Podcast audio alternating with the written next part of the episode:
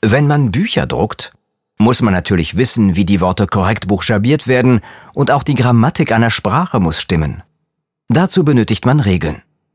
Die gab es im 16. Jahrhundert jedoch für die niederländische Sprache noch nicht. Die Notwendigkeit von Regeln erkannte Cornelis Kilian wie kein zweiter. Er arbeitete 50 Jahre lang als Korrektor in Plantins Verlag. Korrektoren waren gelehrte Männer, die ihre Sprachen gut beherrschten und die Druckfahnen verbesserten. Kilian, ein Witwer mit drei Kindern, wohnte sogar im Verlag. Wörterbücher wurden Kilians Lebenswerk. Er schuf unter anderem das erste erklärende Wörterbuch der niederländischen Sprache. Darin beschreibt er den Ursprung und die Bedeutung von rund 40.000 Wörtern und vergleicht sie mit anderen Sprachen.